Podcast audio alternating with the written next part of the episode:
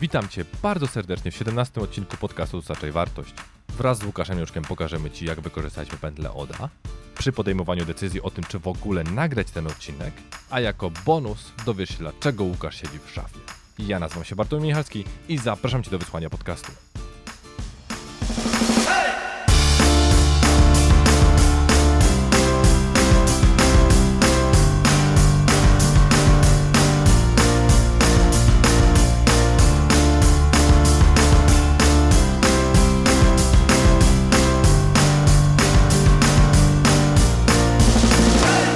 Hej, e, tej strony i siedzę i mówię do szafy. Dosłownie mówię do szafy. Mam kota na kolanach, który raz na jakiś czas miałczy i jest to nieco absurdalne. I w dzisiejszym odcinku e, powiemy wam z Bartkiem, jak to w ogóle się stało i pokażemy, w jaki sposób my doszliśmy do tego, jak to nagrać i dlaczego jestem w tak absurdalnej pozycji. Z perspektywy tych metod, które wam pokazywaliśmy. Pętli Oda, metod Toma Gilba i tak dalej. Jak pewnie zrozumieliście, nagrywamy to w dwóch różnych miejscach. Ja siedzę u siebie w domu, Żółw siedzi u siebie w domu, jesteśmy troszeczkę poddani izolacji i taka początkowa myśl, jaka mi przyszła do głowy, to jest to, żeby po prostu olać nagrywanie, że ja się nie zgodzę z tym, żeby ni stąd, ni zowąd wyprodukować podcast o dużo gorszym jakości, dlatego że ludzie nie będą go słuchać. No bo kto lubi słuchać na przykład wideo, czy oglądać wideo i słuchać podcastu, który ma po prostu fatalne audio? No nikt. Audio samo się nie obroni, musi być jakaś wartość, ale czy ktoś będzie szukał wartości w uszkodzonym audio? No nie. I od tego w sumie zaczęła się nasza dyskusja, dlatego że Żółw miał troszeczkę inne na to wszystko podejście, troszeczkę miał inną opinię i dlatego pojawiło się to, że zaczęliśmy wykorzystywać te same metody, które opisujemy, w troszeczkę inny i bardziej niestandardowy sposób. Bo de facto zaczęliśmy się przekonywać nawzajem, żeby znaleźć wspólne rozwiązanie. Ale moje stanowisko tutaj było takie. Pamiętam wiele razy, jak musiałem przegrzebywać się przez kiepsko napisane artykuły, średniej jakości książki, czy ogólnie złe filmiki, bo miałem konkretny problem. I dzięki temu byłem w stanie ten problem rozwiązać, czy to przez kiepski filmik, czy artykuł z błędami ortograficznymi i strasznym stylem. Ale i tak byłem wdzięczny, że te rzeczy powstały.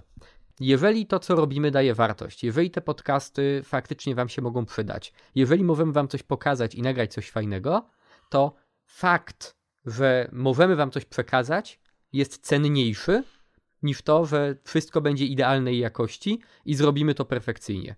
Zgadzam się z Bartkiem, że audio musi być na pewnym poziomie, ale dla mnie poziom tolerowalny jest dużo niżej niż dla niego.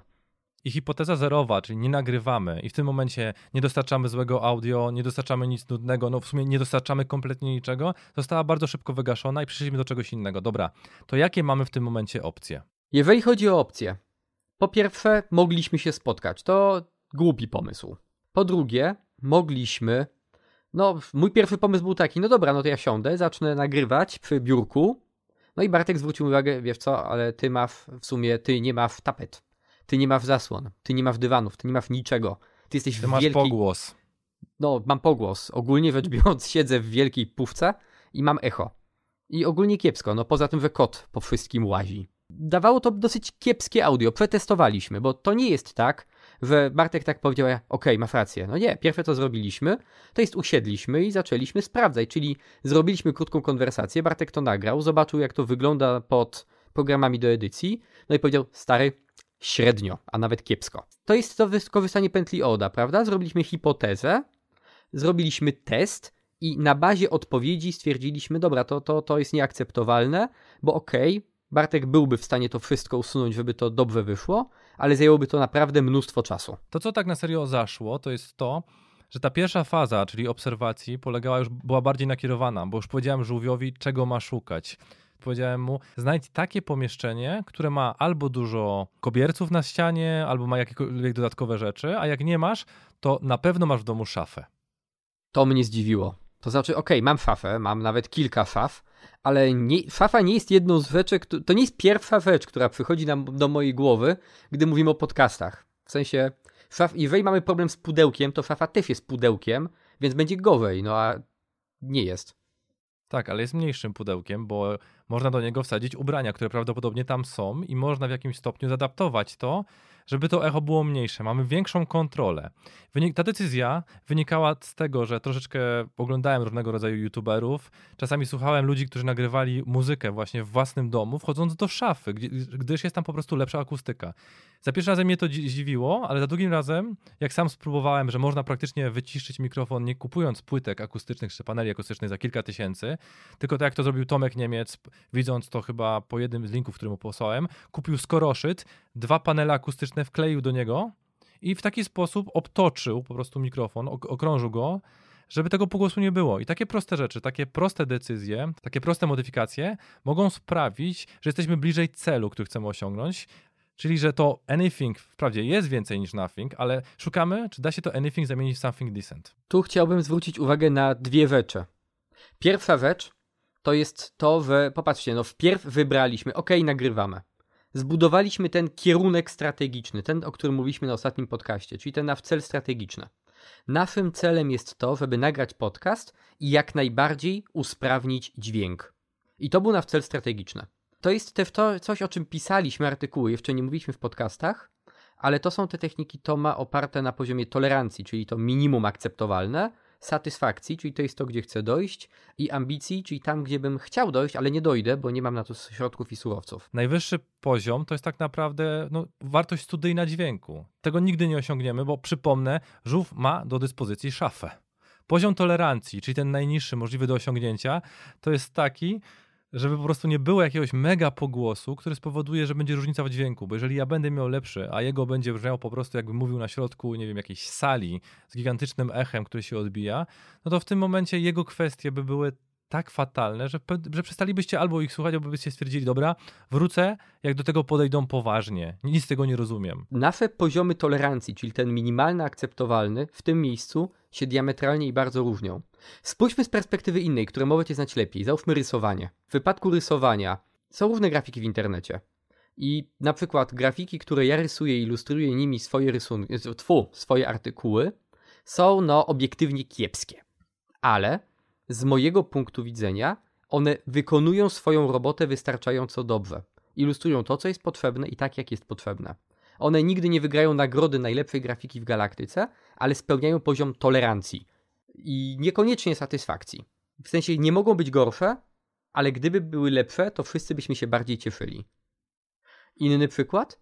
Gdy mamy coś na przykład napisać w kodzie, nie wiem, program, podczas programowania, to bardzo często klient ma pewien poziom tolerancji, minimalny, akceptowalny i poziom ambicji, ten najwyższy, który bardzo, bardzo, bardzo chce osiągnąć. I w tym momencie my celujemy w poziom, negocjujemy z nim poziom satysfakcji, wiemy, że jeżeli nam się nie uda, tutaj musimy ciąć po zakresie, po budżecie, coś się klientowi zmieniło, to nie możemy nigdy spaść poniżej poziomu tolerancji, a poziom ambicji jest wtedy, kiedy na przykład naprawdę nam się uda, mamy przekroczenie energii, przekroczenie czasu i możemy doda- więcej dodawać. Widzieliście to wiele razy przy refaktoryzacji, jeżeli to robiliście. Zawsze kończymy na to tolerancji. Mówiliśmy tu o kilku interesariuszach, bo jednym z nich jesteście wy, słuchacze a drugim jestem ja, na przykład edytor, dlatego że ja też jestem beneficjentem tego, w jaki sposób żółw to nagra. Natomiast istotne jest to, że jeżeli wy zaakceptujecie dźwięk, będzie dla was on wystarczający na poziomie tej satysfakcji, to ja już nie muszę się tak bardzo przejmować, ja już nie muszę dążyć do perfekcji, szukamy satysfakcji poziomu, chcemy go osiągnąć dla grupy, która jest dla naszym krytycznym interesariuszem. I możecie mi zaufać lub nie, ja nim nie jestem. Jest tutaj kilku krytycznych interesariuszy. Jednym jest moja żona na przykład nie doceniłaby, gdybym na przykład przebudował jej szafę, tak całkowicie przebudował tą szafę lub pomieszał brudne ubrania z czystymi, żeby zrobić lepszą akustykę.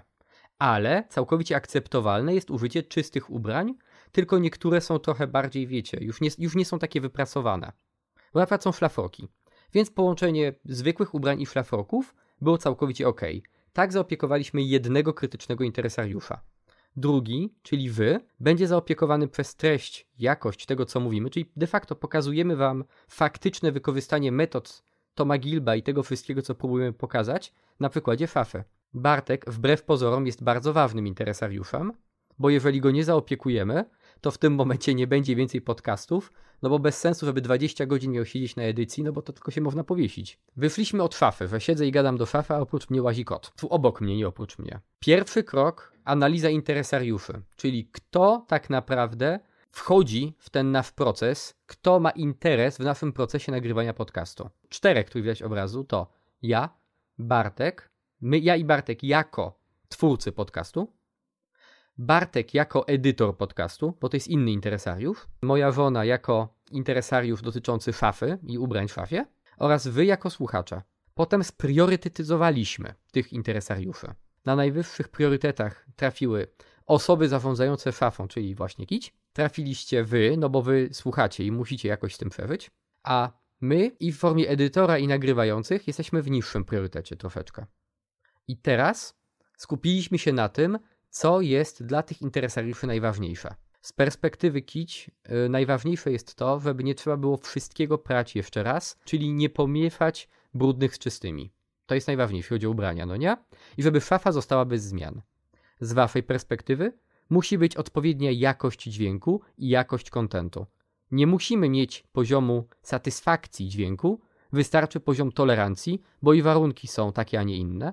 No i to jest kolejna rzecz, którą już poruszyliśmy.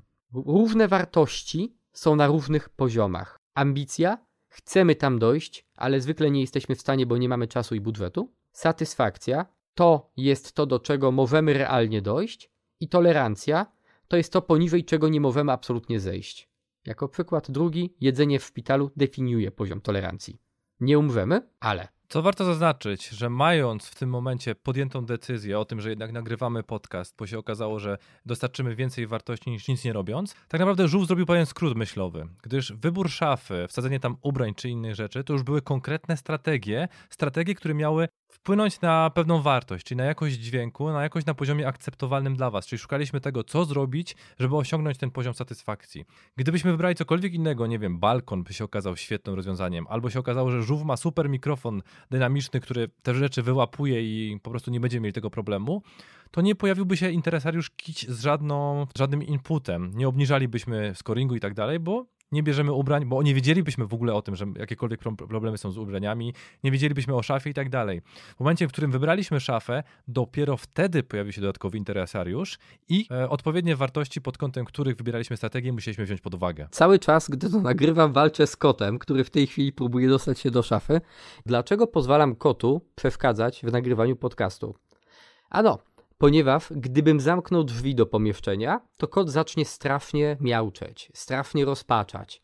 Innymi słowy, decyzja o tym, że ja w tej chwili mam kota na kolanach, który bardzo próbuje dostać się do szafy, obwąchać czy obmacać łapkami mikrofon, ta decyzja jest lepszym rozwiązaniem niż zamknięcie, ogólnie rzecz biorąc, drzwi i no, narażenie was na ogromną ilość miauczenia, Kolejną rzeczą, o której też mówiliśmy, pokazywaliśmy, to jest to, że to nie jest tak, że mówimy, dobra, robimy X i robimy to od razu perfekcyjnie i zaczynamy.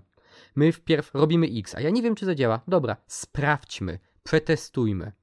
Czyli wpierw y, spróbowaliśmy zrobić tego kola do siebie bez fafy, a potem zrobiliśmy kola przez fafę, wyszło nam co i jak działa. I usprawnialiśmy to kilka razy. Bo Bartek powiedział za pierwszym razem, jak wsadziłem mikrofon do szafy, okej, okay, żółwiu, poczekaj, bo ciągle masz pewien pogłos, ten mikrofon jest za nisko, ty weź, zrób coś takiego, wsadź coś jeszcze za ten mikrofon. No i wsadziłem flaforki i działa lepiej. Potem przyszła Kić, powiedziała, żółw, ty nie mogę tak siedzieć pół godziny, bo jutro nie wstaniesz, bo byłbym po prostu skulony i nie mógłbym używać przepony, bo musiał siedzieć na ziemi i wychylić się w kierunku na mikrofon. W związku z czym wzięła karton, ja teraz siedzę na kartonie i wzięła jeszcze jeden obiekt, położyła go w szafie, żeby mikrofon podnieść. I w ten sposób kolejnymi iteracjami zbudowaliśmy to trochę robocze, powiedziałbym, studio, ale działa. I teraz już wiem, jak to robić następny raz. Czyli możemy wam pokazywać metodyki, możemy wam pokazywać super metody Toma Gilba, pokazywać jak działa Oda, jakieś kompletnie sztuczne przykłady, wiecie, o kupowaniu serka, czy tam zupy, czy czegokolwiek innego w sklepach, ale sami się łapiemy na tym, że w momencie, w którym jesteśmy głównymi aktorami, czasami potrzebujemy na chwilę się zatrzymać, żeby te rzeczy przemyśleć i zobaczyć, kurde, ja znam te narzędzia, czemu nie przychodzą mi tak prosto w ich używaniu. Zauważcie, podejmując kolejne decyzje, żółw wykorzystywał dokładnie pętlę ODA na bazie modeli, które miał w głowie. Jeżeli mnie by nie było w tym całym procesie, to co zrobiłby żółw, gdyby mnie przy nim wtedy nie było? No, wykorzystałby na bazie obserwacji tylko te modele, które dla niego są dostępne. Żółw, czy wpadłbyś na pomysł, żeby ułożyć izolację akustyczną wokół mikrofonów w kierunku, raczej w ramach tak zwanej litery U? E, nie, z dwóch powodów. Pierwszy powód jest taki, że mój poziom tolerancji dźwięku jest w innym miejscu niż twój. To znaczy, że ja w ogóle bym o tym nie pomyślał. Czyli dla mnie ten problem jako taki nie istnieje. Jeżeli twój poziom tolerancji jest odpowiednio nisko i osiągniemy bardzo szybko poziom satysfakcji, to przestajesz szukać innych rozwiązań, bo jesteś spełniony, nie masz sensu w tym momencie pewnie szukać. W momencie, w którym jeszcze na przykład żółw ma super świetny dźwięk, to już jest jego poziom ambicji, stwierdza, że dalej nie szuka, to mu nie przyjdzie do głowy, żeby szukać alternatywnych modeli, które umożliwią mu rozwiązanie problemu, który mamy ja ja, edytor, który będzie to potem składał, ja, który będzie musiał to wszystko słuchać i tak dalej. Mój poziom tolerancji jest zupełnie w innym miejscu niż żółwia. A mówimy dokładnie o tej samej mierze, dokładnie tego samego urządzenia, dokładnie w taki sam sposób mierzony, tylko z dwóch różnych perspektyw. To wynika z jeszcze jednej bardzo ważnej rzeczy. Jako, że ja nie edytowałem dźwięku w ten sposób co Bartek, ja nie wiem dokładnie jak to się robi, jak to wygląda. No dobra, nagrywałem swego czasu filmiki na YouTubie odnośnie gry w grę komputerową, ale to się nie liczy, bo ja tego nie robiłem. To znaczy, ja nie robiłem korekcji dźwięku, no bo tam są inne standardy, prawda? I to spowodowało, że ja jestem powiedzmy znieczulony na to. I to nie to, że, ten, że to nie widzę w tym wartości, to jest to, że ja o tym w ogóle nie pomyślę. Więc jako, że ja nie wiem, ile to jest pracy, to dla mnie ten problem nie istnieje.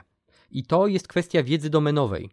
Czyli gdy na przykład deweloper mówi menadżerowi, że ten kod jest na granicy rozpadu, menadżer, który tego nigdy nie robił, nie ma pojęcia, o czym jest mowa.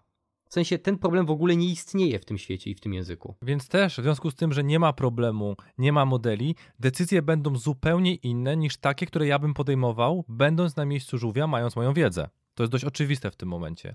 A druga rzecz, która tu jest bardzo istotna i warta zaznaczenia, jest taka, że gdy na początku zacząłem nagrywać filmiki na YouTube'a, to, mi, to ja zauważyłem, że tam jest echo, pogłos, że czasami wiecie, przejedzie za oknem śmieciarka, albo będzie kot mi miałczał, tylko stwierdziłem, no dobra, ale ja na to i tak nie mogę poradzić, bo nigdy nie pomyślałem o przesunięciu komputera czy mikrofonu.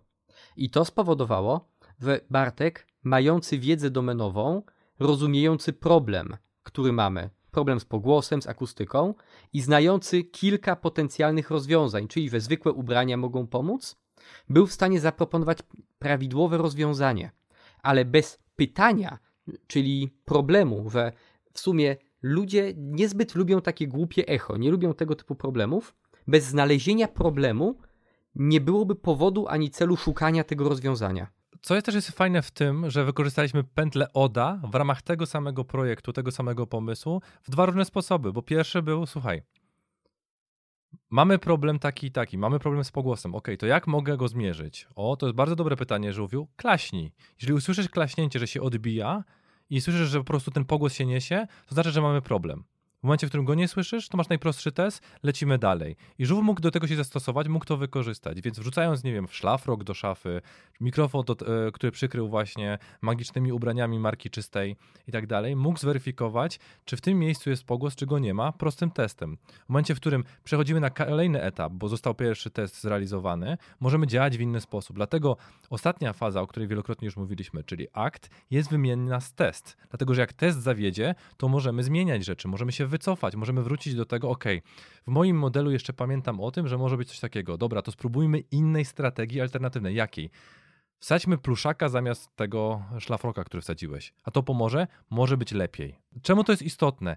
W momencie, w którym nie mamy określonej w ramach pętli ODA żadnej miary, w momencie, w której poruszamy się pomiędzy orient a pomiędzy akt, czegoś nam brakuje. Nie podejmujemy decyzji albo robimy to randomowo, czyli tak jakby żółw wrzucał kośćmi i stwierdzał, wypadło poniżej 15, to biorę to. Czyli nie bazujemy na prawdziwych miarach, a na jakiejś magicznej e, nierzeczywistości związanej właśnie z przypadkowością. E, gdzie to widzicie na co dzień? Na każdym durnym spotkaniu. Nie mówię o przydatnych i ważnych spotkaniach, mówię o durnych spotkaniach, czyli siedzą dwie osoby i się kłócą. To jest lepsze, nie, nie, tamto jest lepsze, ale skąd? To rozwiązanie jest lepsze. I się przerzucają pseudo-argumentami i pseudo-rzeczami i nikt nie zrobi przykładu, nikt nie przetestuje, Nikt nie powie, OK, sprawdźmy to. I w ten sposób spotkanie może trwać 3-4 godziny i do niczego nie prowadzić. Co próbujemy zoptymalizować, czyli co ta decyzja ma zmienić? No, popatrzcie, prosty przykład znowu. Mamy dwóch programistów. Użyjmy Reacta. Nie, nie, użyjmy Angulara. Nie, nie, użyjmy Reacta. React jest lepszy, bo Angular jest lepszy, bo i się kłócą. Ale w tych rzeczach nie ma ukrytych miar, nie ma ukrytych rzeczy. Jeżeli ktoś powie, zaczynam typowy projekt od zera, w związku z czym w reakcie zajmie mi to tyle a tyle czasu, a w Angularze tyle a tyle czasu, to to już jest coś. Bo porównujemy te dwa frameworki, porównujemy te dwa byty pod kątem prędkości zaczęcia małego, prostego projektu. Ale jeżeli porównujemy je pod kątem na przykład przebudowy istniejącej rzeczy albo zrobienia czegoś nietypowego, to w tym momencie może okazać się, że tam, gdzie x było lepsze od y, tam y staje się lepsze od x. Więc rozmowa x jest lepsze od y, bo jest z definicji oparta na dwóch błędach. Pierwszym, nie wiemy czemu, co znaczy lepszy, co mierzymy, pod jakim kątem lepszy i po czym poznamy sukces. A dwa, zaczynamy od odpowiedzi, od rozwiązania. Mam x i chcę, żeby mój x był najlepszy na świecie. Nie zdajemy sobie pytanie, co chcę zrobić, żeby użyć Xa. I tak samo, nikt normalny nie wsadzi mikrofonu do szafy i przykryje go ubraniami i szlafrokami, ale jeżeli naszym celem jest nagranie podcastu w szafie w warunkach kwarantanny, no to w tym momencie jest to prawidłowe rozwiązanie, bo problem. Jak można pozbyć się pogłosu w mieszkaniu, gdzie nie ma ani jednej, nie wiem, firanki? Rozwiązanie? Zbudować Y, powiedzmy, fałszywe rzeczy przy użyciu szafy. I tu zmierzamy ku najważniejszemu chyba stwierdzeniu z wszystkich. Każdy chce być adaptacyjny, każdy chce mieć możliwość perfekcyjnego adaptowania się do rzeczywistości, do zmieniających się wymagań biznesowych itd., tak itd. Tak podczas gdy zapominamy o jednej bardzo ważnej rzeczy, że adaptacyjność czy umiejętność taka nie jest celem samym w sobie. To, co my dzisiaj zrobiliśmy, to, co pokazaliśmy, bo to jest możliwość podejmowania decyzji, która wykorzystuje właśnie to zjawisko jako, jako formę narzędzia. Ale nie byłoby to możliwe bez posiadania odpowiednich narzędzi, takich jak modele, takich jak znajomość realiów, takich jak umiejętność praktycznej obserwacji, bo bez obserwacji, a żółw stanowi tutaj moje oczy i nawet moje uszy w tym momencie, nie licząc właśnie tych efektów nagrywania, o których wcześniej mówił, moja wiedza byłaby kompletnie nieprzydatna. Mowę nie słychać, ale ja z zasady jestem osobą dość upartą. Ja niedobrze reaguję na stwierdzenia w stylu żółwiu zrób X, ale jeżeli Bartek mi powiedział żółwiu, sprawdź to, sprawdź to, widzisz, więc jest tak i tak, no to, to są fakty, prawda? Z faktami nie da się dyskutować. I w ten sposób wtedy ja nie jestem uparty. Ja wtedy robię to, co faktycznie pełni to, co powinno pełnić. Więc to jest dobry sposób przekonywania. Dojdźcie do tego, co chodzi drugiej stronie, no i po prostu to spełnijcie.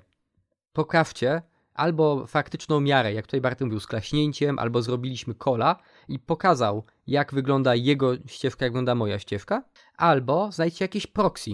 Na przykład to klaśnięcie. Pro, klaśnięcie było dobrym proxy na echo, na akustykę. Z tego, co powinniście dzisiaj usłyszeć, to nie stosowaliśmy jakichś mega świetnych narzędzi, mega świetnych miar i tak dalej, i tak dalej. Wszystko praktycznie wypracowaliśmy na bazie dostępnych możliwości, bo Fajnie by było mieć e, urządzenia, które perfekcyjnie mierzą pogłos, akustykę itd., tak itd., tak podczas gdy już na samym początku wiemy, że nie mamy możliwości dostosowania się do tych urządzeń w perfekcyjny sposób, więc te miary są super, ale z punktu widzenia naszego procesu są bezużyteczne, więc możemy od razu je skreślić. Więc szukamy po pierwsze nie tylko takich bodźców czy takich informacji, które jesteśmy w stanie dostrzec, ale takie, z których możemy cokolwiek wykorzystać i przerzucić je na naszą korzyść i też na wartości, które Wam dostarczamy. Znowu, modele są pewnym wycinkiem. Wycinkiem, który definiuje nam, które obserwacje, które informacje ze świata po prostu brać pod uwagę, a które olewać. Fajnie, że otaczają nam wiele możliwości. Po pierwsze, nie wszystkie wykorzystamy, nie wszystkich zrozumiemy i nie wszystkie są możliwe. Tak jak mówiliśmy, pracujemy na pewnym wycinku, dostosowujemy się, adaptujemy do pewnej rzeczywistości. Na miarę, no, nie będę ukrywał też naszych możliwości, ale w związku z tym, że bardzo chcieliśmy też dostarczyć Wam jakąś wartość w postaci właśnie rzeczywistego use case'a, no to właśnie tak wygląda ten podcast, a nie inaczej. Ale nie byłoby to wszystko możliwe bez jednej umiejętności, którą znowu podkreślę, bo jest kluczowa.